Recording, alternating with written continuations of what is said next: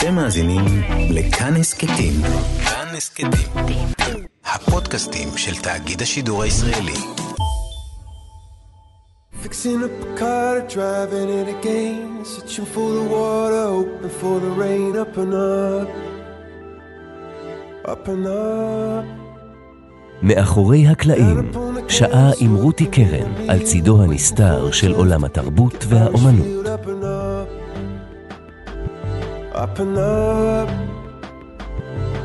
See a bird form a diamond in a rough. See a bird soaring high, but the flood is in your blood. It's in your blood. לראות את המוזיקה.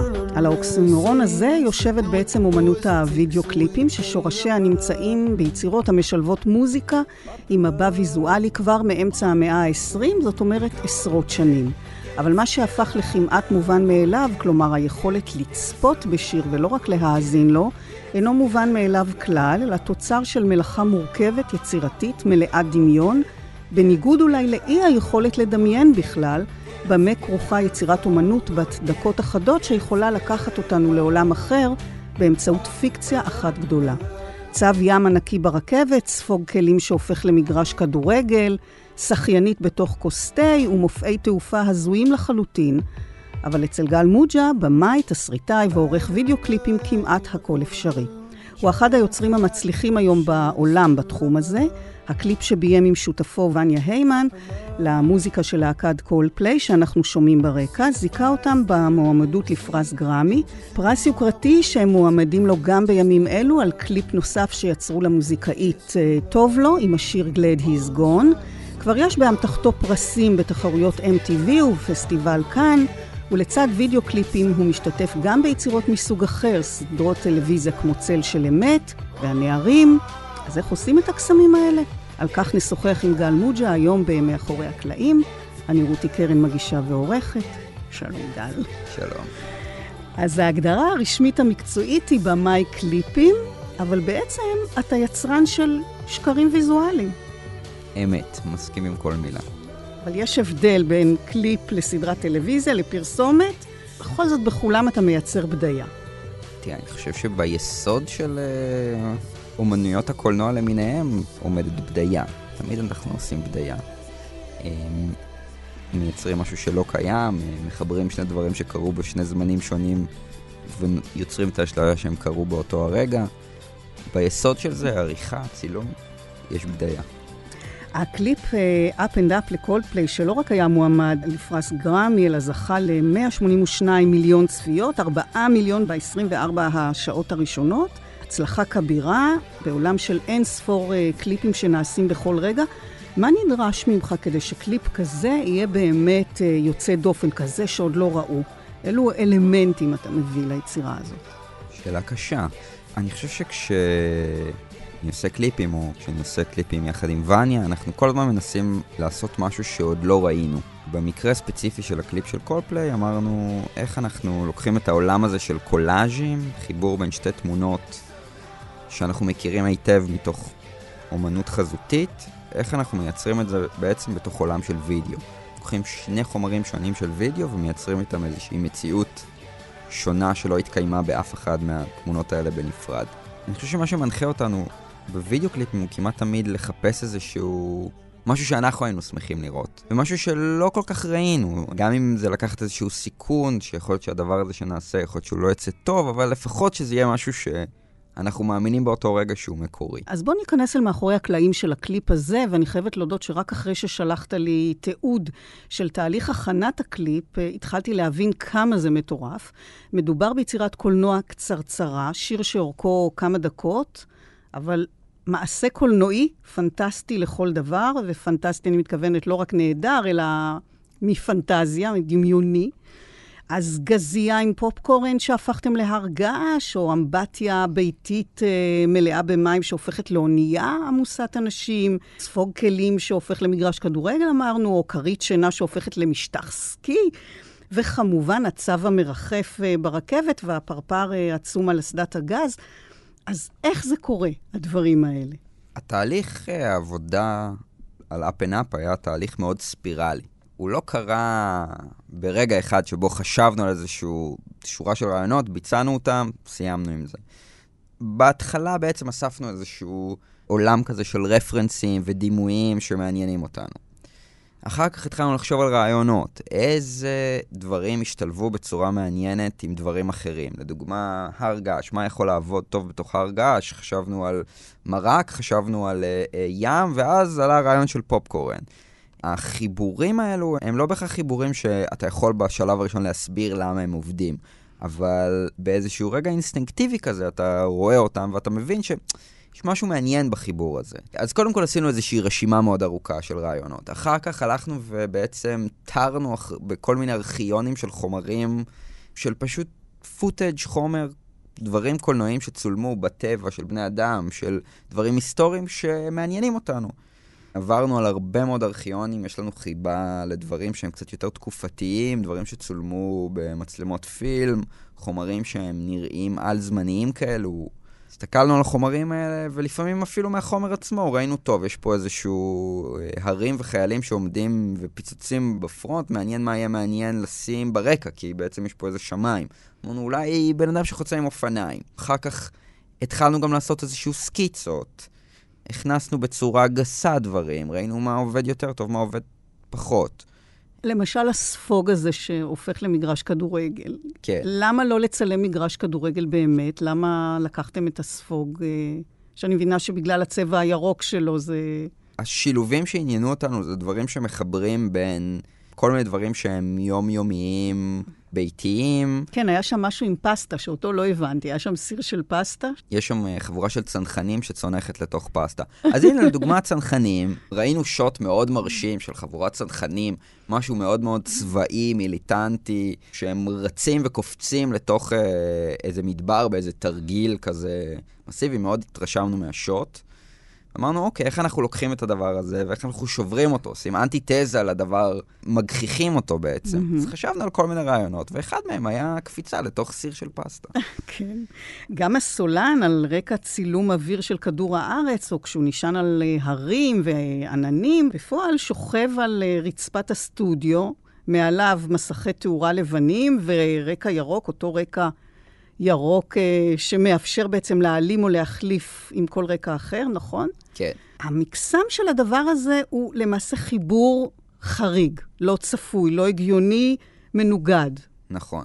מה שקוראים אותו juxtaposition. החוויה שכשאתה רואה שני דברים שהם אה, לא בהכרח אמורים לשבת ביחד, והחיבור ביניהם יוצר איזושהי חוויה חדשה, תובנה חדשה, תחושה חדשה. במיוחד כשהדבר הוא לא מציאותי, לא ריאליסטי, מפריע באיזשהו מקום, אבל ההפרעה הזאת מייצרת איזשהי סוג של הרמוניה חדשה. ואיך נעשה החיבור בעצם בין, נניח, הספוג הזה לזה שהוא יהפוך למגרש כדורגל? איך עושים את זה? אז השתמשנו בכל מיני טכניקות שונות.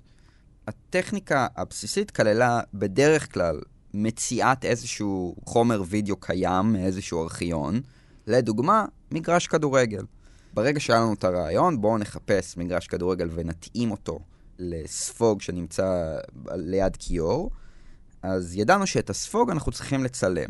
ואז התהליך הוא בעצם תהליך טכני, שבו אתה, אנחנו לומדים את החומר של המגרש כדורגל, מבינים איך המצלמה זזה, מבינים מאיפה מגיעה השמש, כלומר, מהו כיוון התאורה, ואז מגיעים אל האולפן, שם בנינו מטבח קטן, שמנו את הספוג, בן אדם שרוחץ כלים ברקע, ספציפית נתן שוטנפלס המפיק שלנו בשוט הזה, ובעצם שחזרנו את התנועת מצלמה בצורה טכנית, שאומנם כשצילמו את המגרש כדורגל האמיתי שם, צילמו את זה עם מסוק שטס בשמיים, אנחנו היינו צריכים להקטין את התנועה הזאת ולצלם אותה באופן מינימליסטי מעל הספוג הזה. זה לוקח כמה פעמים של שחזור התנועה. אתה עובד כשבמקביל על מסך אחד אתה רואה את ה... מה שאתה מצלם, במסך ליד אתה רואה את החומרים שאותם אתה רוצה לשתול, ולפעמים אפילו יש מסך שלישי, שבאיזשהו אופן גס יש בן אדם שעושה לך את החיבור mm-hmm. אחד על השני. שתראה שזה נופל בדיוק. כן. כן.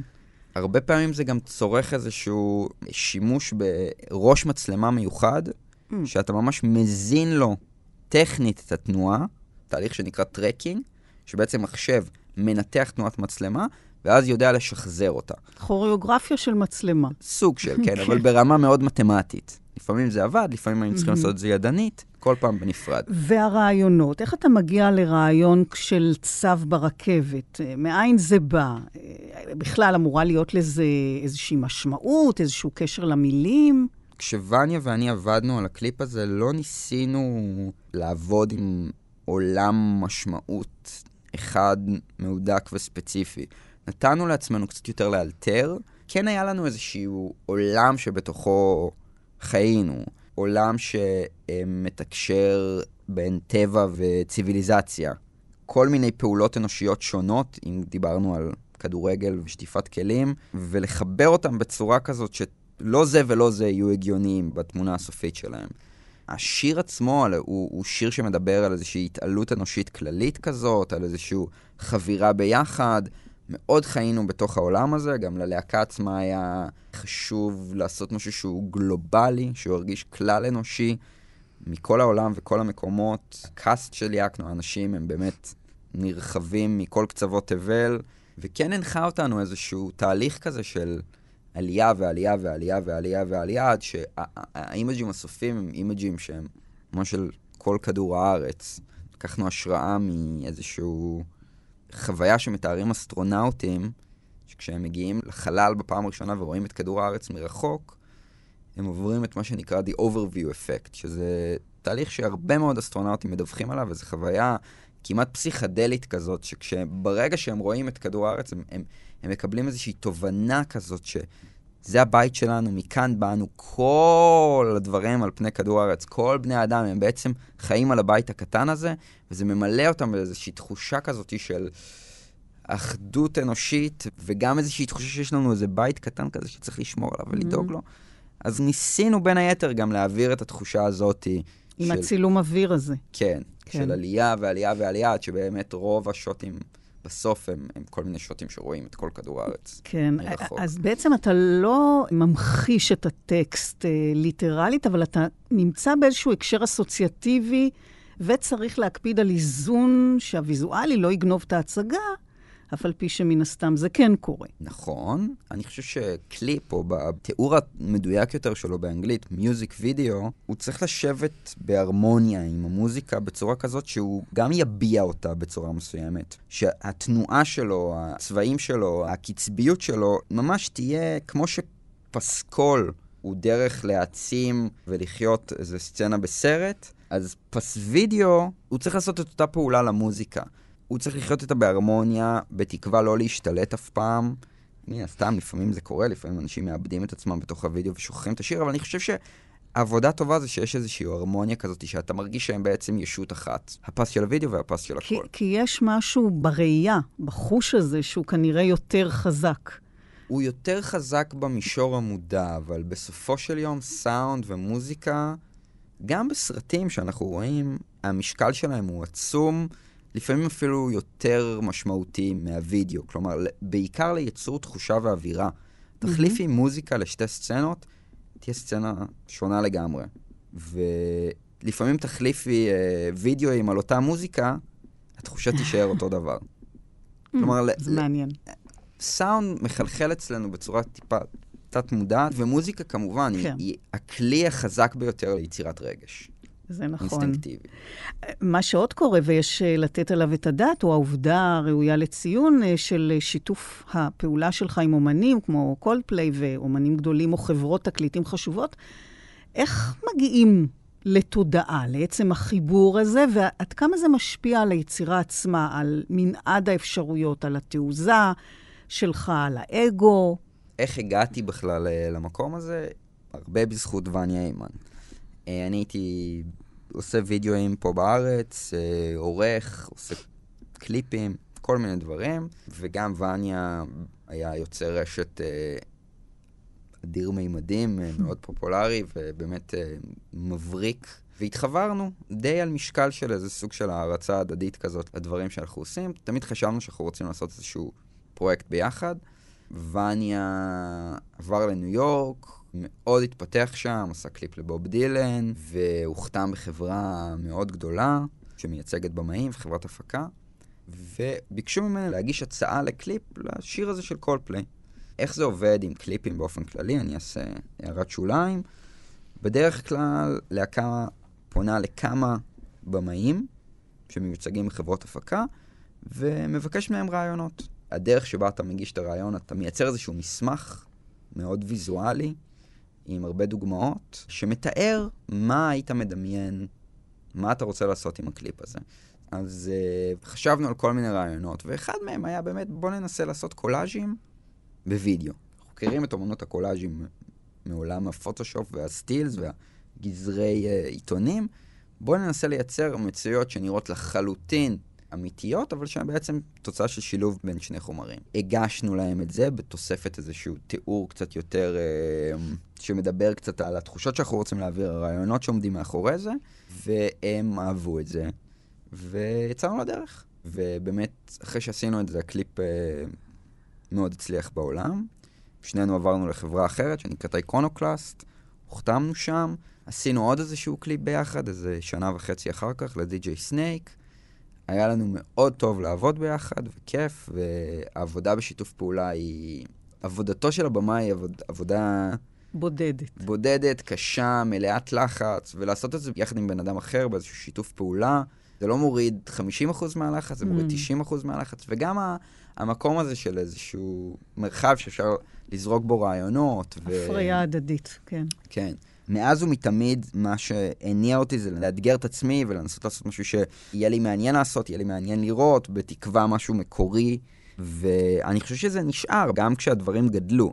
מן הסתם יש טיפה יותר לחץ, בהתחלה ממש, את יודעת, שזה יראה. זהו, מה אתה עושה עם היראה הזאת? אז היראה, עם הזמן מתרגלים, מה אני אעשה? היא לא משתקת אותך. לא, אני לא חושב. אני לא חושב, גם אתה מתרגל, אתה מבין שבעצם כולנו בני אדם, סוג העבודה הוא בסופו של יום לא באמת שונה. אתה עובד בארץ, אתה עובד בחו"ל, אולי יש טיפה יותר תקציב, טיפה יותר כסף, טיפה יותר זמן, אבל בגדול העבודה היא אותה עבודה. אנחנו אומרים uh, עבודה בינלאומית, אנחנו מדברים על זה שאי אפשר כמעט לתפוס אותך, וש... איך אמרת לי? Uh, אני לא יודע איפה אני אהיה בשבוע הבא. כן. אז זה ככה, הקפצה מהרגע להרגע? סוג של, וניה ואני, בעצם מה שאנחנו עושים עכשיו, אנחנו מגישים uh, כל מיני הגשות לכל מיני פרויקטים. בדרך כלל זה מכרזים, מתחרים עם, uh, נגד במאים אחרים שמיוצגים בחברות הפקה אחרות, ולפעמים אתה זוכה, ולפעמים אתה לא זוכה. כשאתה זוכה, אומרים, לפעמים זה תוך שבוע וחצי צריך לטוס לאנשהו, להיות איזה שלושה שבועות בהפקה, ולחזור חזרה. זה די מדהים, אני מניחה, המקום שאתה נמצא בו היום, גל בן התשע שצילם uh, פרסומת לספריית בית הספר, בוודאי לא דמיין שלמקום הזה הוא יגיע, או שכן? אני מגיל מאוד צעיר יודע שאני רוצה לעשות סרטים. לפחות חשבתי שאני אעשה mm-hmm. קליפים, פרסומות וכדומה.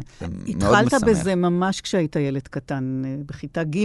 איך ילד בן תשע מגיע לצלם פרסומת? אני חושב שכחלק מהדור שלנו, אנחנו דור ש, שהמדיום של הוידאו היה מאוד דומיננטי בחיים שלנו. אני וכל החברים שלי מגיל מאוד צעיר מאוד אוהבים סרטים. היינו מה שנקרא דור הטלוויזיה, ילדים שגדלו על טלוויזיה. היו לנו מצלמות, כזה ה-VHS הגדולות בבית. הרבה פעמים מטלות בבית ספר היו נותנים לנו לצלם וידאו. היינו בקטע של זה. הצטרפנו לטלוויזיה קהילתית בכיתה ז', הלכנו למגמות קולנוע בתיכון. תראי, אני חושב שהדברים שהתחילו לעניין אותי באמת זה שכשפתאום אפשר היה לערוך על המחשב. עניין אותי המון דברים שקשורים לאפקטים בתוך עריכה, והייתי משחק הרבה ועושה כל מיני שטויות כאלה, סרטונים אה, ביתיים למיניהם. כמעט כל החברים שלי היו מוזיקאים, גם אלה שלמדו במגמת קולנוע, היו להם אה, להקות. ורק אני לא יודע לנגן על כלום, לא יודע לשיר, בקושי יש לי קצב. והדרך שלי להשתלב בעולם שלהם הייתה תמיד להגיע מתוך העולם של הוידאו. לצלם הופעות, אה, לתעד וכדומה. ובצבא, שניים מחבריי הטובים ביותר היה להם להקה קטנה בשם כהנת מושון, והדבר המתבקש היה שנעשה קליפ. אז זהו, החיבור הזה בין צילום למוזיקה, שזה אגף בעולם הקולנוע, זו יצירה קצרה שחייבת לקיים דיאלוג מדויק עם צלילים ברמת השניות, נכון? פחות משניות, ברמת ה... אלפיות השנייה. כן. מה זה אומר? איך עושים את זה ולמה זה כל כך חשוב? קליפ טוב, לדעתי, הוא קליפ שמביע בצורה ויזואלית את המוזיקה, ממש כמו איקולייזר כזה, שאנחנו רואים שזז לפי התדרים השונים, בעיניי זה המשימה המרכזית של הקליפ. תוך כדי הוא, הוא יכול לספר סיפור, הוא יכול אה, להראות פרפורמנס של הזמר וכו' וכו'. אחת השיטות שאיתה התחלתי לעבוד הייתה בעצם בלהקשיב לשיר הרבה מאוד פעמים, וממש אה, לפרק לי אותו, כמו לצייר לי אותו, לפי כל אחד מהכלים. הייתי הולך שנייה אחרי שנייה ומתאר את מה הבאס עושה, מה התופים עושים.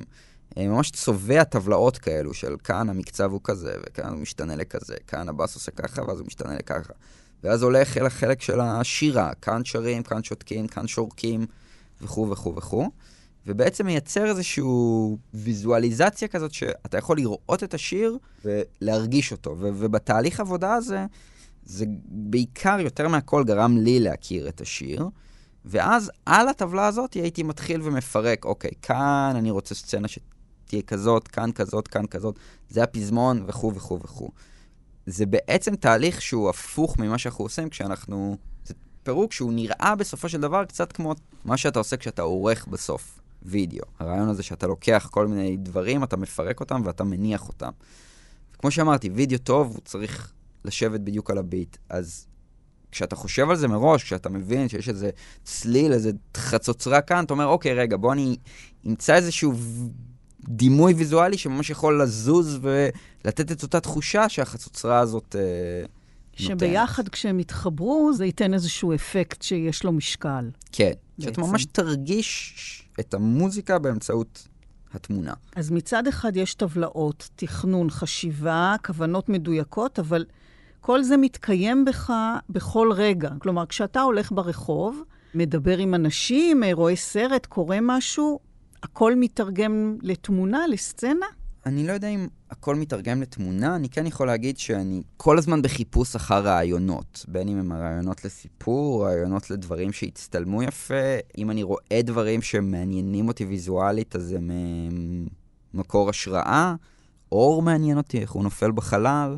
וגם בצריכה שלי של דימויים אחרים. כלומר, כשאני רואה סרטים, כשאני רואה תמונות, כשאני שומע מוזיקה, תמיד אני מקיים איתם איזשהו דיאלוג של איפה זה פוגש אותי, מה אפשר לעשות עם זה, איך אפשר, כמו בפוקר, אה, להשוות ולהעלות. מה שאני מבינה זה שאתה מתהלך בעולם, וכל הזמן יש איזו חשיבה כזאת, אה, לא מכוונת אולי, ככה אתה פשוט חווה את העולם. ש... כל מיני דברים שאתה נתקל בהם, הראש עושה איתם איזושהי מניפולציה של מה אני יכול לעשות עם זה. אני חושב שהרבה מאוד שנים חייתי ככה, עכשיו אני חי קצת אחרת, הייתי קצת אובססיבי, כאילו, זה הדבר היחיד שבאמת היה מעניין אותי, אז הייתי רואה בכל דבר, מחפש בכל דבר איזשהו מקור השראה. למשל? זה יותר משהו פנימי כזה של אוקיי, איפה, איפה, איפה אני אחשוב על רעיון חדש? Mm-hmm. זה יכול להיות, זה יכול להיות uh, רעיון לסרט, זה לא יכול להיות רעיון לסרט, זה יכול להיות רעיון לסיפור, זה יכול, זה יכול להיות דבר ויזואלי מעניין, זה לא יכול. זה יותר בהתעסקות האובססיבית, ודווקא בשנים האחרונות, שקצת התבגרתי ואפשרתי לעצמי לחוות עוד uh, מנעד של חוויות שלא בהכרח קשורות למימד יצירתי. אז מה למשל נווט בך תוך כדי שיטוט ברחוב, או נסיעה ברכבת, או לקחת את הילדה לגן? זה לא עובד ככה, זה לא שאני רואה איזה תמרור ואני אומר, אה, היה נחמד אם הייתי עושה אנימציה של תמרורים. רוב הפעמים רעיונות הם בסופו של יום באים לי כשאני חושב על רעיונות. אם נגיד עכשיו וניה ואני, כשאנחנו צריכים לשבת ולחשוב, אנחנו נפגשים, יושבים, רוב הזמן שותקים, זורקים הרעיון לאוויר, משחקים איתו קצת, זורקים אותו לפח. בסוף מוצאים איזשהו רעיון שאנחנו לא בטוח שאנחנו אוהבים והוא נחמד וזה, נדלקים עליו לשני רגעים, ואז חושבים שהוא... ובאיזשהו moment, טוב, בואו נמשיך אותו קצת, נפתח אותו קצת. טוב, זה לא טוב, אולי נשנה ככה, אולי נשנה ככה. מספרים למישהו אחר, הוא אומר, זה נחמד, זה לא נחמד. זה סחיטת אה, סמרטוט, קצת יבש, להוציא ממנו איזה טיפות אה, אחדות, ואיתם לנקות משהו. אז זאת אומרת, היום כשאתה מתנהל בעולם, אתה לא קוטף את הרעיונות מן העצים.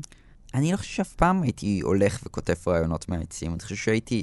כל הזמן במוד הישרדותי כזה שצריך, כמו בן אדם שמפחד מטורף שיגיע אליו, אז הייתי במוד כזה שצריך להגיד, אוקיי, אני צריך רעיונות, רעיונות, רעיונות, רעיונות. עכשיו אני נמצא במצב שונה. לפעמים הדברים הכי טובים, אבל הם באים כשאתה לא מוכן ולא מחכה. זהו. וכל היופי הזה שותפים לו עשרות אנשי צוות, צלמים, תאורנים, פועלי במה, שכל לאורך אה, חודשים אה, ארוכים של הכנה, לפעמים זה אורך אה, אפילו שנה.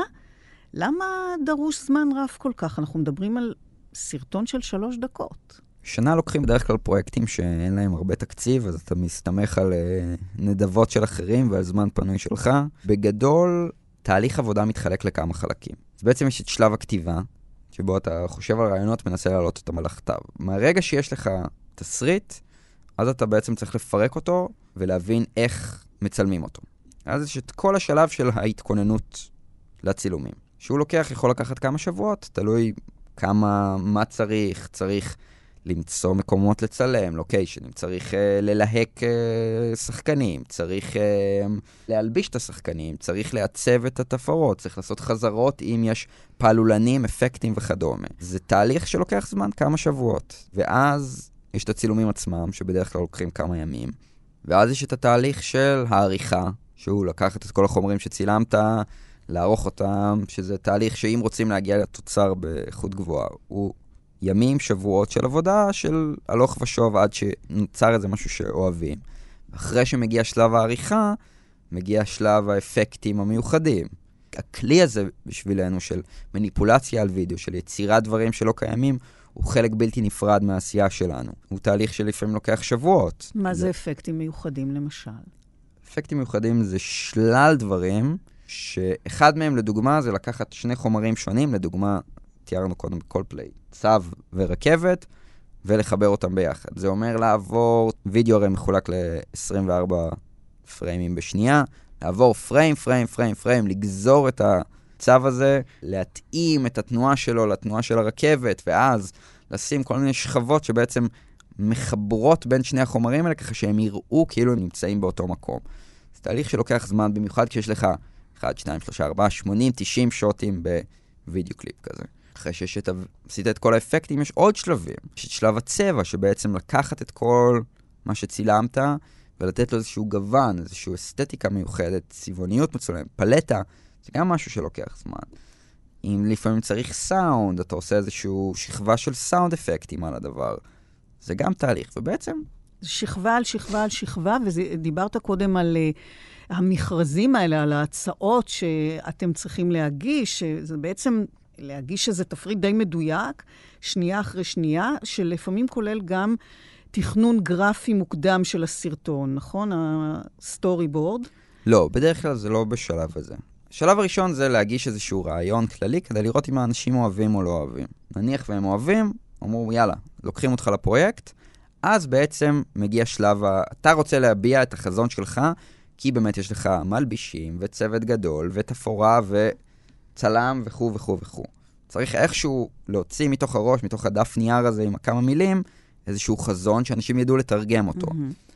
אז uh, השלב הראשון הוא בעצם לצייר איזשהו storyboard. אתה בא, אתה יושב עם אמן שזה העבודה שלו, כשאתה מצייר את ה storyboard זה לא רק לצייר איזשהו ציור, זה להבין גם זוויות, להבין מצלמה, להבין עדשות, להבין תנועות מצלמה. ואז אתה מצייר פריים אחרי פריים את מה שאתה מדמיין. ולמה צריך את הרכיב הזה של הציור?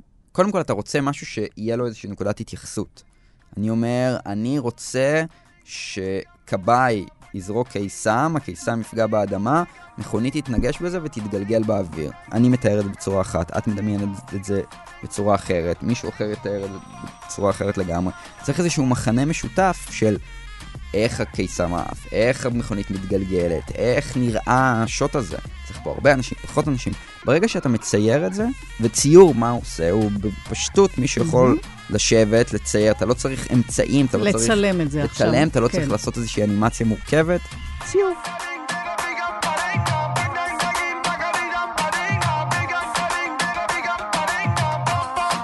אז אתה מדבר על הכבאי, וכך באמת עבדתם אה, על השיר מג'נטה רידים של די.ג'יי סנק, כדי לתכנן במדויק איזה צליל ייפול על איזו תמונה. הסרטון הזה מתרחש אה, בהודו, משהו משוגע לגמרי. למה הודו? סיפור מצחיק. קיבלנו את השיר, וגם לפי הכלים וגם לפי השירה, הנחנו שבעצם די.ג'יי סנייק סימפל שם איזשהו טרק הודי כלשהו. ואמרנו, טוב, בואו נצלם בהודו. יש לנו חיבה עזה לאקשן דרום הודי, גדול מהחיים, מאוד מגוחך. אז אמרנו, טוב, הודו, אנחנו אוהבים את האסתטיקה הזאת של האקשן המופרך והלא הגיוני הזה, אבל אנחנו מצד שני גם לא רוצים לעשות סרט אקשן, ואיכשהו בשיטוט, בחיפוש תמונות. אני אפילו לא זוכר מה, עלה הרעיון של לספר סיפור על כבאים. וגם לקחנו את הקלישאה הזאת של ריקודים בסרטים הודיים, שהם כאילו כל הזמן רוקדים בלי סיבה נראית לעין, ואומר, טוב, בואו נספר סיפור על חבורת הכבאים הטובה ביותר בעולם, שהם לא מפסיקים לרקוד. כל מי שסביבו לא מפסיק לרקוד, אף אחד לא מפסיק לרקוד בקליפ הזה לכל אורך הדרך. לימים, כשכבר היינו בצילומים והגיע די.ג'יי סנייק להצטלם, שאלנו אותו, תגיד, מה... באיזה שפה הודית זה? כי ההודים לא ידעו לזהות עם... באיזה שפה זה. הם אמרו, זה לא אינדו, זה לא תלוגו, זה לא... מאיפה סימפלת את זה? ואז הוא אומר, אה, זה לא הודית, זה... אני שר בג'יבריש. איך כזה מסתכלים סביבנו, אוקיי, גררנו את כל ההפקה הזאת להודו בגלל טעות בהבנה. לא נורא. אבל זה עבד. כן. זה עבד, אבל עד שזה עבד, גם היו כמה דברים שלא עבדו כמו שצריך, נכון? תראי, הודו היא באמת מקום אחר, והמנטליות שונה. הרבה דברים שאנחנו אמרנו וחשבנו שהם ברורים, התגלו כאילו הם הובנו בצורה אחרת לגמרי. אחד מהם היה שבאמת אה, אנחנו דמיינו שהכבאית הזאת שמצאו לנו שהיא הייתה מדהימה, כבאית ישנה כזאת, נקשט אותה כמו שמקשטים אה, משאיות בהודו. נתנו תמונות, הראינו וכו' וכו' וכו', יום לפני הצילומים אנחנו מגיעים לעשות ביקורת, גלים שתלו איזה סרט קטן, צבעו איזה ציור קטן כזה, אנחנו כזה. זה לא מה שתיארנו, הנה תמונות שהראינו לזה, הם אומרים, לא, אבל לא ככה מקשטים כבאיות בהודו, אבל בסדר, אבל אנחנו לא רוצים לעשות משהו ריאליסטי, אנחנו רוצים... קיצר, לילה לפני, הביאו עוד מלא אנשים, ציירו, הדביקו, אה, קישטו, הדביקו מלא תאורה, בוקר למחרת באנו, הגיעה הכבאית, נראית נחמד מאוד. היו עוד דברים שלא עבדו שם, נכון? עם הרבה דברים, לדוגמה, התיאור של איך המכונית צריכה להתעופף באוויר.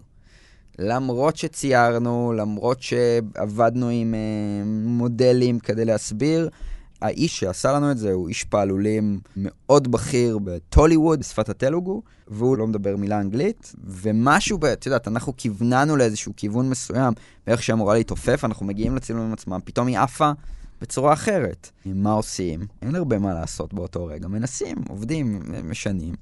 אבל זה היה מאוד מאוד מורכב. אז זהו, זאת אחת המהמורות שניצבות בפניכם, במיוחד כשהשאיפות הן ללא גבול והדמיון מרקיע שחקים תרתי משמע. צריך לקחת בחשבון אה, את יכולת המימוש של הפנטזיה, נכון? כלומר, אה, באמת, להעיף מכונית מעל אה, כבאית, זו החלטה בכלל אם לעשות את זה אמיתי, ממוחשב. כן, בסופו של יום העבודה הזאת, יש בה באמת את השלב שבו אתה מדמיין, וכשאתה מדמיין אז uh, הכל אפשרי, אבל uh, העבודה האמיתית היא להבין איך אפשר לממש. להבין מה הכלים שעומדים לרשותך. יש את הכלים הממשיים של צילום אמיתי, יש את הכלים הממוחשבים של יצירת משהו מאפס, ויש כל מיני כלי ביניים. אז אם אנחנו מדברים על מכונית, אנחנו באופן אישי תמיד מעדיפים שהחומרים האלה והחומרים האלה צולמו באמת mm. במצלמה, יש להם תאורה אמיתית, הם לא יוצרו מאפס במחשב. כי זה תמיד נראה יותר טוב. יש משהו ברנדומליות, באקראיות של המציאות, שמייצרת דברים שהמחשב, בהיותו מחשב, גם עם שלל התוכנות שמדמות רנדומליות, תמיד יש איזשהו משהו שלא נראה מספיק טוב. כאילו, שוב, יש דברים שהם נראים מדהים, אבל קליפ, גם קליפים בתקציב גבוה, הם תמיד נתקלים באיזושהי תקרה מסוימת, וגם יש לוחות זמנים והרבה שיקולים. אין מה לעשות, כשאתה עושה משהו באמת, גם אם אתה עושה משהו ואתה תולה אותו על חוטים ואז אתה צריך למחוק את החוטים, mm-hmm. שזה משהו שנראה יותר טוב. אז ביחסיות בין יכולת מימוש לדמיון, אתה בעצם אה, מכריע לטובת שיקולי המימוש. תמיד. זה אחת הבעיות הכי גדולות לדעתי, באופן כללי, בניסיון לעשות דברים. בדרך כלל דברים טובים הם דברים שהבינו מה הם המגבלות שלהם, מה אתה יכול לעשות בתוך המגבלות האלה, ושם לפרוח. ומגבלות מן הסתם לא חסרות, כמו לדחוס אה, שישה ימי צילום ליומיים, או לעשות תחרות אה, מול שקיעת השמש אה, בקליפ ללהקת אוסוג הישראלית. איזו התאמה, אילו אלתורים נאלצת לעשות? על מה למשל ויתרת שם? שם היה לנו משהו, זה, זה קליפ שעשינו שסיפר סיפור על זוג שהולך ככה במדבר, אתה חושב שהם שני אנשים שעושים איזשהו סוג של קמפינג. ולאט לאט אתה מגלה שהם לא עושים קמפינג, הם פשוט שני אנשים שנותרו באיזשהו, אחרי איזה אפוקליפסה כזאת נוראית, שלא ברור מה הסיבות שלה.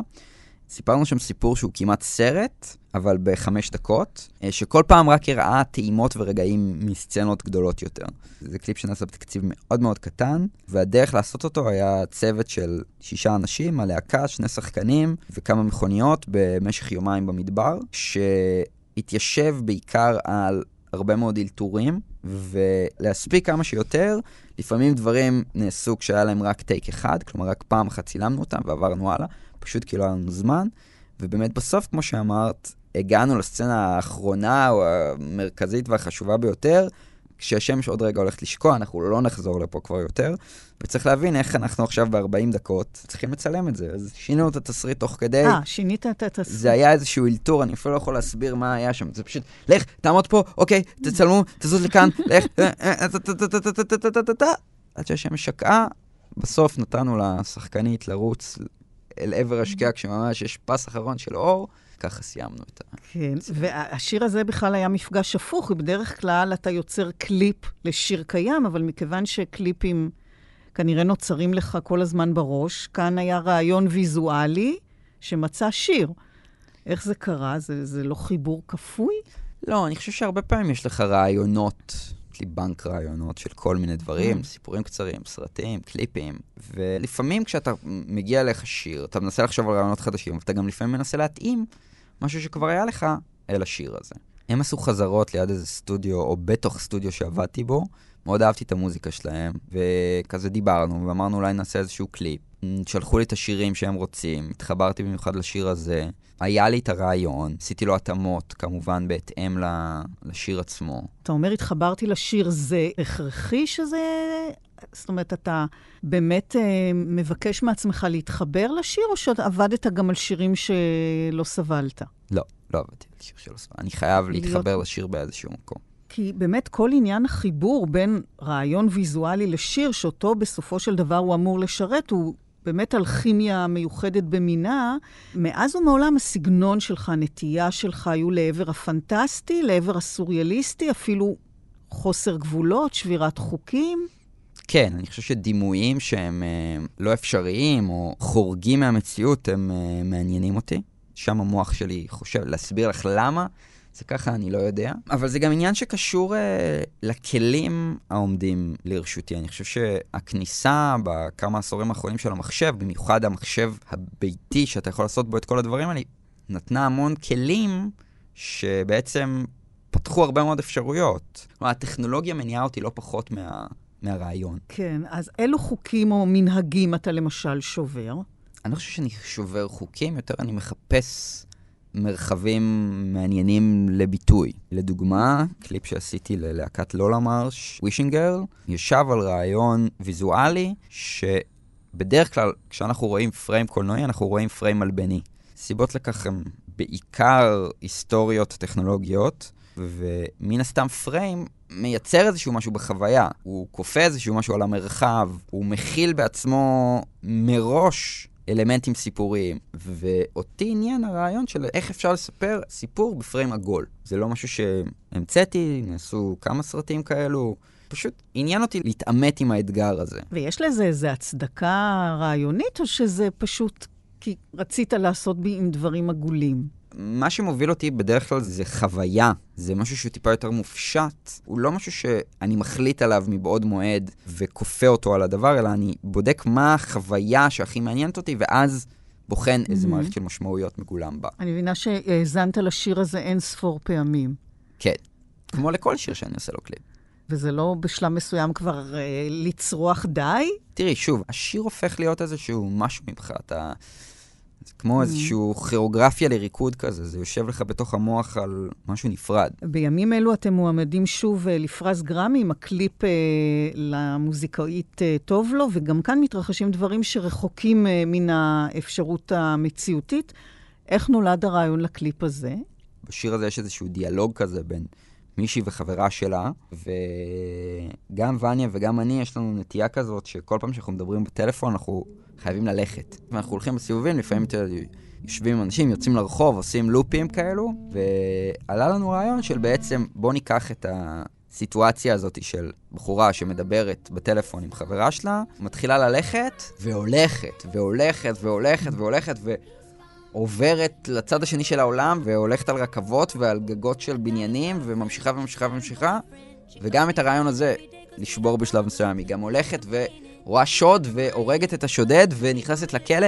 כל הזמן הזה היא ממשיכה לדבר בטלפון, היא לא, לא מפסיקה לדבר, בורחת מהכלא, מחליפה זהות, אבל בגלל ההיקף העצום של המקומות שרצינו להגיע אליהם, טכנית לא היינו באמת יכולים גם לנסוע למדבר, גם לשלג וכדומה. אז מה עשיתם? אז בעצם חיפשנו כל מיני שוטים מאוד מרשימים מעולם הארכיונים, ואז בצילומים עצמם בעצם התאמנו את הזווית צילום, את התאורה, את המשטח שעליו היא דורכת כשהיא הולכת לדוגמה על אונייה או בשלג או על עלים.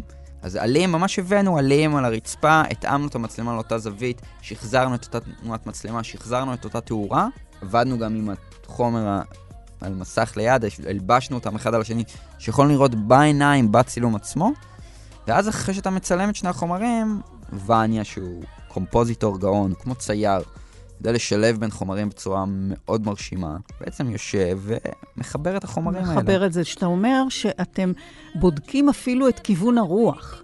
כן. שיש באותו סרט שממנו אתם לוקחים בעצם את הרקע שאחר כך יהיה, נניח אה, כר דשא עם אה, עיזים או אונייה כזאת בלב ים, ובעצם משחזרים באולפן, או איפה שאתם מצלמים אה, את הבחורה, שהרוח תהיה ממש באותו כיוון. כי רק ככה הדברים נראים טוב. בסוף... וזה דברים שאתם צריכים לתכנן לפני הצילום, נכון? הכל תכנון. אנחנו בדרך כלל מגיעים מאוד מאוד מאוד מתוכננים אל צילומים, יודעים בדיוק מה אנחנו רוצים, איזה זווית, מה האורך אפילו.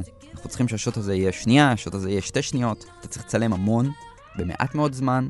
את הקליפ הזה ספציפית צילמנו בקייב. יש לוקיישנים אמיתיים, כשהיא הולכת בכל מיני רחובות, כשהיא הולכת בשדה, בית קפה שהם יושבים בו, ויש צילומים בסטודיו שהתחלקו בין צילומים של כל מיני סטים שבנינו, לדוגמה בית משפט, חדר חקירות, וזה הכל רק בשביל איזה שוט אחד, ויש שוטים שמצולמים על מסך ירוק, צבע ירוק עז כזה, ואתה יכול להגיד למחשב, איפה מזה. שאתה רואה את הירוק, תעשה את זה שקוף. ואם אתה עושה עבודת הכנה מאוד טובה והחומרים מאוד מתאימים, אחר כך העבודת חיבור ביניהם היא לא מורכבת. ולמרות ההכנה והתכנון אה, לפרטים ומעורבות של המון גורמים, בוודאי קורה שמשהו לא עובד. קרה שנאלצת לגנוז קליפ? כן, כן.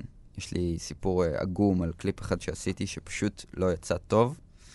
זה עד היום אה, כואב לי כזה קצת בלב. אני חושב שזה היה מצב קלאסי של יומרה מאוד גדולה, אבל אה, חוסר יכולת ביצוע. לא באתי מוכן, לא היה לי חזון מספיק מדויק, לא היה לי את האמצעים לממש אותו. פשוט תוך כדי עבודה על הקליפ, אה, הבנו שהוא לא טוב, ושאין טעם להוציא אותו. ישנם שינויים שרק בזמן הצילום אה, הבנת שצריכים להיעשות? כן, כל הזמן אתה מבין משהו, ב... הרבה פעמים זה קשור להתנהגות של שחקנים, ואתה חושב שמשהו עובד ואז אתה שם אותו בין שני אנשים ואתה רואה שהוא לא עובד. יש הרבה דברים שטכנית פשוט לא עובדים ואתה צריך לזרוק לפח. יש דברים שפשוט לא מתאימים ברצף. לדוגמה, בקליפ של קורפליי היה לנו כל מיני uh, שוטים עם כל מיני מאפים כאלו, בגט שממריא לחלל, uh, קורסונים מעבר לחומה, כל מיני שטויות כאלו, שגם הלהקה פחות, אבל זה היה קומי כזה, אבל לא מספיק uh, הרגיש ברצף. אתה כל הזמן עושה, משייף ומשפר. חרטות? במבט לאחור יש? רק חרטות. רק חרטות? סתם, אני צוחק, אבל uh, כן, הרבה פעמים יש תחושות של סצנות שהיינו צריכים לצלם אחרת, uh, מצלם את זה פחות זמן, פחות נתקע על איזשהו משהו ועובר קדימה למשהו אחר. כן, כל הזמן, כל הזמן. יש רעיונות שצצים פתאום בשטח? דברים שלא תכננת? בצילומים כל הזמן. זה יכול להיות דברים קטנים, זה יכול להיות, אתה לוקח שתי דמויות שישבו אחד ליד השני, פתאום אתה אומר, אה, אולי אני אתן להם להחזיק ידיים, ואז זה נורא מצחיק. או אתה מנסה כל מיני דברים של משחק, אה, טוב, לא, ניסינו כל מיני וריאציות בסצנה הסופית, מה יעבוד הכי טוב. הרבה דברים בגלל שאנחנו עושים דברים שהם מאוד טכניים, והם מאוד יושבים על מקצב מסוים, יש דברים שהם לא ניתנים לשינוי. את המיומנות שלך בשזירת אה, חומרים אה, מסוגים שונים, אתה מביא גם אל המדיום הטלוויזיוני בסדרת הדרמה הנערים, שעליה שוחחנו כאן אה, עם ארד שוואט, מעצב ההפקה, וגם בפתיחים לסדרת הדוקו פשע צל של אמת, שגם עליה דיברנו כאן עם טל בלטוך, איתו אתה משתף פעולה לא מעט גם בקליפים. מה אתה מביא לכאן מן העבודה על הקליפים? עבודה על הפתיחים, יש בה עולם שדומה קצת לעבודה על אה, וידאו קליפ, במיוחד כי מה שמוביל את הפתיחים שעשינו לצל של אמת הם השיר. קודם כל בוחרים את השיר ואז על פיו בונים את הפתיח, אז הדיאלוג הזה בין מוזיקה ותמונה הוא מאוד חשוב, ומן הסתם, העניין האסתטי שלי, השליטה שלי בכל מיני uh, אמצעים שונים חזותיים, היא משהו שמתרגם גם לתוך פתיח. ספציפית עם בלטוך יצרנו ביחד את uh, שני הפתיחים האלה, ביימנו אותם ביחד, הם, הם עבודה משותפת של שנינו. טל הוא אחד משותפיי הוותיקים ביותר, והרבה מהסיבות שהדברים נראים טוב, מעניינים וחוז בגללו. הוא באמת כן. אדם עם עין אה, וכישרון נכון. יוצא דופן ונדיר, ולשתף איתו פעולה היה מדהים. ובנערים, אני אסביר רגע מה עשיתי שם. בסדרה הנערים, לאורכה יש הרבה מאוד שילוב בחומרים דוקומנטריים. סדרה שמבוססת על אירועים אמיתיים, וליוצרים היה חשוב דיאלוג מתמיד עם החומר האמיתי. שזה אחד הדברים המהממים בסדרה הזאת, זה באמת השילוב הזה בין הדוקומנטרי למבוים. כי אי אפשר לראות את החיבור ואי אפשר לראות את ההבדל, זה קסם. אז תודה רבה, כי באמת אחת העבודות שלי שם הייתה להתמקד בכמה סצנות דוקומנטריות שהן נקודות של ממשק בין... החומר העלילתי והחומר הדוקומנטרי. יש סיקוונסים שהם דוקומנטריים לחלוטין שם, ויש רגעים שבהם ממש אחת הדמויות משתלבת בתוך החומר הדוקומנטרי, והשאיפה שלנו הייתה שלא נדע איפה זה התחיל ואיפה זה נגמר, כי החומר הדוקומנטרי מספק כל מיני דברים. קודם כל הוא מספק אה, איזשהו היקף שלא בהכרח אפשר לייצר. הפגנות של עשרות אלפי אנשים, זה נותן איזה scale, איזה scope, איזה משהו גדול. מצד שני, זה נותן איזושהי תחושה, איזו אחיזה במציאות. אתה מראה לצופה, מה שאתם רואים זה לא איזה פנטזיה, זה משהו שהוא קרה וקרה לא מזמן. האתגר שלנו היה, זה שהרבה מהחומרים שעבדנו איתם, הם לא בהכרח היו חומרים אסתטיים. הם היו חומרים שצולמו לפני כמה שנים. הרבה דברים צולמו שם בטלפון, בכל מיני מצלמות של שוטרים, דברים שהם לא... אבל מצד שני, זה גם מה שהופך אותם למאוד חזקים, כי הגולמיות שלהם יוצאת החוצה, המחוספסות שלהם, הם לא איזה משהו מטופל, נקי, יפה, אלא הם גס כמו התוכן שלהם. ועלה הרעיון שבעצם השילוב הוא לא צריך להיות איזשהו קסם, הוא לא צריך לקחת בן אדם, לשתול אותו בתוך החומרים הקיימים, אלא פשוט לצלם חלקים מתוך הסצנות המבוימות באותה דרך וצורה שצולמו החומרים הדוקומנטריים.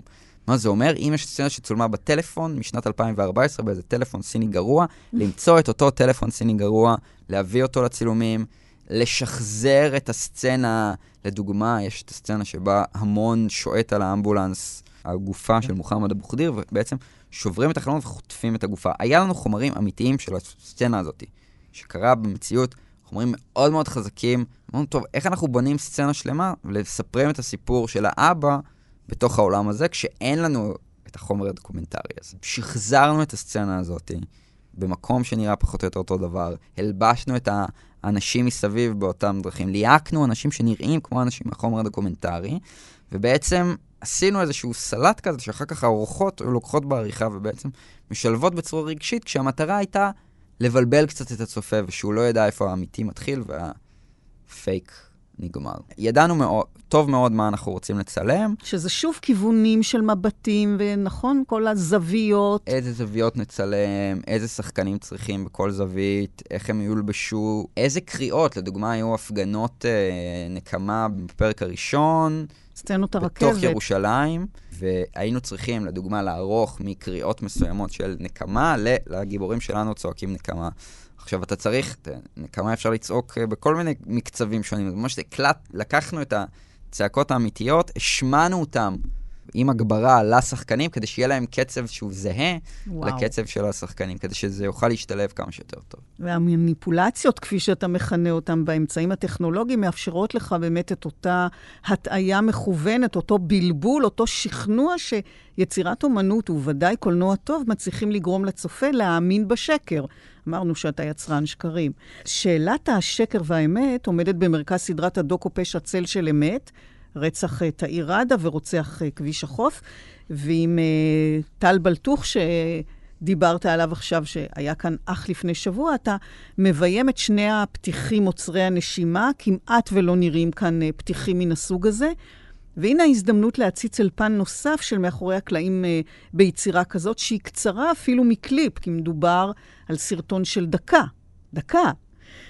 ושוב אתה מתמודד עם אותו חיבור גורלי בין מוזיקה לביטוי אה, ויזואלי, וזה סודו של הפתיח הזה. הדיוק ברמת הצליל, האפקט, התמונה שמבליחה לרגע על המסך ונעלמת בדיוק של אלפית השנייה, אז קודם כל היה צריך לבחור שיר מתאים. נכון. ברגע שהוסכם שהולכים על שיר מסוים, אז מתיישבים לערוך. ההחלטה שלנו הייתה לעשות פתיחים שלא מבוססים על חומרים מצולמים, לא לצלם משהו, אלא לעבוד עם החומרים של הסדרה הקיימים, חומרים שאתה גם תראה לאורך הסדרה. אני מאוד אוהב בפתיחים, שפעם ראשונה שאתה רואה, אתה לא כל כך יודע מה אתה רואה, אבל ככל שאתה מתקדם בצפייה של הסדרה, פתאום כל מיני חומרים מהפתיח, הם מתקשרים לך לסצנות קיימות בסדרה. וגם אני חושב שפתיח טוב זה פתיח שטוען את הצופה, שהוא כאילו מכניס לו את האנרגיה שכשהוא מתחיל הפרק, הוא נופל פנימה. אני חושב שבשיר של אהובה עוזרי ממש הפך להיות מזוהה עם הסדרה. זה לא היה ברור מאליו. הסדרה עצמה, אין לה, המוזיקה שלה היא לא כזאת, היא, היא, היא מוזיקה של תום דרום ואסה רביב, היא מאוד סינמטית, מאוד אפלה, מאוד... אין שם שירה בכלל, היא, היא, היא מאתגרת, והשירים דווקא הפכו להיות פתאום כן איזשהו סממן של הסדרה, למרות ש... כן, זה התהליך המדהים שקורה, שאתה באמת מביא שתי יצירות, זאת אומרת, יש מוזיקה, יש את התוכן הוויזואלי שאתה מביא, שלכל אחד יש uh, את המטען שלו, וכשאתה מחבר אותם נוצר איזה יציר שלישי. ואז זה טוען מחדש את כל אחד מהם. ובחרתם פה בעצם במין עבודה עם נגטיב ושכבות. העבודה על שני הפתיחים הייתה די שונה. בפתיח הראשון היה לנו קונספט ויזואלי מאוד מהודק. הסדרה הרי מתעסקת בצדדים שונים למציאות, וחיפשנו כלי שמבטא את זה, ועבדנו הרבה עם באמת נגטיב, זה תמיד יוצר איזשהו image מאוד מעניין, הרבה עבודה עם שחור לבן, כלומר גם איזשהו צבע אחר על צבע קיים, היפוך של פריימים, מראות של פריימים, ושכבות כאלו של, כמו שקפים כאלו, שהם מתחברות ברגע הנכון ומייצרות את התמונה. השלב הראשון הוא ללקט הרבה חומרים, לערוך אותם. הרעיון הוא לספר קצת את הסיפור של הסדרה, אבל מבלי לספר אותו. לפתות, לדוגמה, יש שם איזשהו, בפתיח של הסדרה הראשונה, לקחנו את כל הדמויות שנחשדות כרוצחים פוטנציאליים במהלך תיאור העלילה, דברים שבאמת קרו. ושמנו את כולם, את כל הפרצופים האלו אחד על השני, ועברנו ביניהם באיזו צורה כזאת.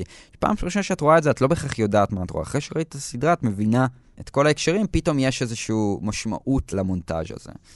גם ברוצח כביש החוף, פתיח מצמרר, היה קושי בבחירת השיר. לבסוף אה, נבחר שיר ערש אה, די מבעית של אלתרמן, שהבנתי שבהתחלה לא ממש עבד. כן, אחרי שבאמת בחרנו את השיר, החלטנו עליו כולם, אסה ותום, המוזיקאים, עשו לזה בעצם את העיבוד ואת העריכה כדי להתאים את זה לאורך הנכון. זה לא רק האורך, יש שם גם תוספת של... כן, שכבות מוזיקליות נוספות. נוספות שלא קיימות בשיר המקורי, ובעצם נכון. נותנות לו איזה מין... טוענות אותו כן, באנרגיה חדשה. התיישבתי עם החומרים, ערכתי איזשהו משהו, הצגתי אותו לכל הכנופיה, והתחושה הייתה שהוא לא שם, ואז בעצם נכנסתי עם טל אה, עמוק לתוך ה...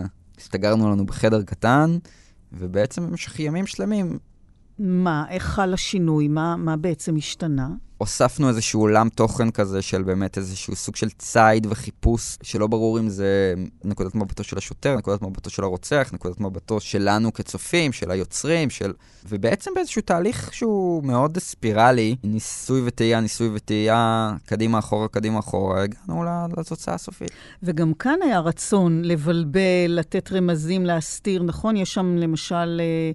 תמונה של מי שהסדרה מכוונת אליו אה, כאופציה שהוא הרוצח של כל הבחורות האלה, חליווה. שאתם מראים את הפנים שלו בצורה מעוותת, שממש נמעכת, עד שרואים רק עין כזאת על כל המסך. כמובן שזה נופל באופן מאוד מדויק על המוזיקה. כן, היה לנו ברור שאנחנו רוצים אה, ברגע הזה להראות את חליווה מבלי להראות אותו.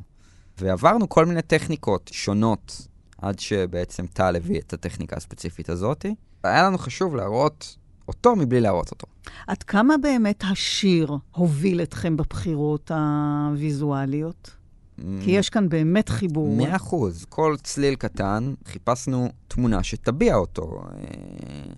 אה, יש לך איזה צליל, אה, חיפשנו, לפעמים אתה, זה, זה, אתה אומר, אני יודע שאני רוצה image של חיילת שמחפשת טרמפים, ויש לך הרבה מאוד אופציות, והאופציה הזאת היא רצה בצורה כזאת, שמשהו באיך שהרגליים שלה נוחתות על הקרקע, אני יושב בדיוק על הרטט המוזיקלי הזה. יש רגע שאתה מרגיש שהכל נופל במקום, שזה זה, שזה אפקטיבי? לפעמים. לפעמים בשלב העריכה אתה כזה לוחץ איזה פליי, והפליי הזה מרגיש נכון, אבל uh, אני מרגיש שאני תמיד על, uh, עומד על הגדר, מסתכל בחשש, לא בטוח אם uh, זה גמור, אם זה נכון, אם זה הבחירות הנכונות, אם לא צריך לשנות, אם... Uh, לא חושב שאי פעם הייתי בחוויה שאני עושה משהו ואני מרגיש שהוא, שהוא נכון. תמיד זה, התחושה היא שיש... אבל, אבל... זה בח... יכול להיות יותר טוב, זה יכול להשתפר, או... לפעמים, בשלב של חשיבה על רעיונות, נראה לי יש מה שאני ווניה אה, מושיטים יד ולוחצים עליו יד. שנינו מסכימים, אומרים, או, oh, רעיון טוב, יפה. לוחצים יד. זה איזה רגע שאתה אומר, אוקיי, יש פה איזשהו משהו, אבל אני חייב להגיד שהחוויה האישית שלי היא שתמיד אני סקפטי. כן. סיפרנו שאתה עובד לא מעט בחו"ל, בפרויקטים זוהרים עם אומנים בולטים שמביאים גם פרסום וגם יוקרה, ויש מתח משונה בין הפרסום הפרסים, ההכרה מצד אחד, לבין העובדה שמחוץ לברנז'ה, הציבור שצופה ביוטיוב, בקליפים האלה, לא ממש מכיר את האיש שמאחורי היופי הזה. בוודאי לא מודע לכל תהליך העבודה המשוגע. איך אתה מסתדר עם הפער הזה? תראי, בסופו של יום מה שמעניין אותי זה לעשות וידאוים שאנשים יאהבו, וזהו. זה המטרה הסופית. אני דווקא כן, אני כן מרגיש שיש איזושהי אה, הערכה, הכרה. אני לא מרגיש שאני נמצא באיזושהי מציאות שאני נחבא אל הכלים. יש הרבה מאוד אנשים שמתעניינים בעולם הזה של הוידאו, יש הרבה מאוד סקרנים. אנחנו גם מוציאים הרבה פעמים אה, מאחורי הקלעים, אנשים אוהבים לצפות בזה. אני מרגיש טוב עם, ה... עם המצב הזה. אז איך זה שאתה אומר שאתה בתחושה תמידית שזה לא טוב מספיק? תשובה לשאלה הפוכה, אני אוכל לענות לך. בבקשה. לא, אם הייתי יודע שזה מספיק, טוב, אז הייתי יכול להגיד לך למה.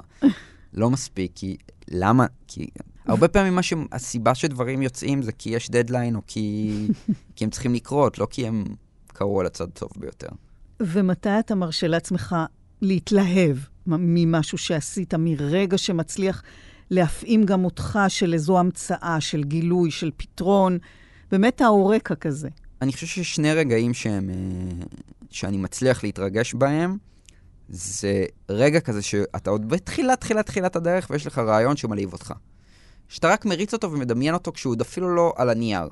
זה רגע מאוד כיפי. אם יש רעיון שאני אוהב והוא ממלא אותי, זה רגע נפלא. אחרי זה, משם והלאה, זה רק קריסה. כי ברגע שאתה מוריד אותו על הכתב, אז הוא פחות מכל מה שהיה בראש. ברגע שהוא, הלוקיישנים מגיעים והשחקנים מגיעים, זה בכלל לא דומה למה שדמיינת. ואז כשזה נערך, ו... בדרך כלל קאט ראשון אתה מסתכל ואתה אומר, איזה קטסטרופה. כי דמיינת משהו אחד, והמציאות לא מאפשרת לדבר הזה לקרות. אחרי זה אתה לאט לאט משפר, משפר, משפר ומתמודד.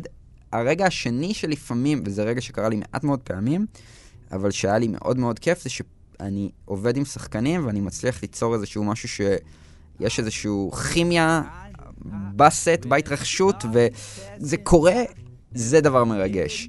חוץ מזה, כמעט כל שאר הדברים הם אין רגעים של יוריקה, של... אה, אולי לפעמים אם אתה רואה עם קהל דברים והם צוחקים.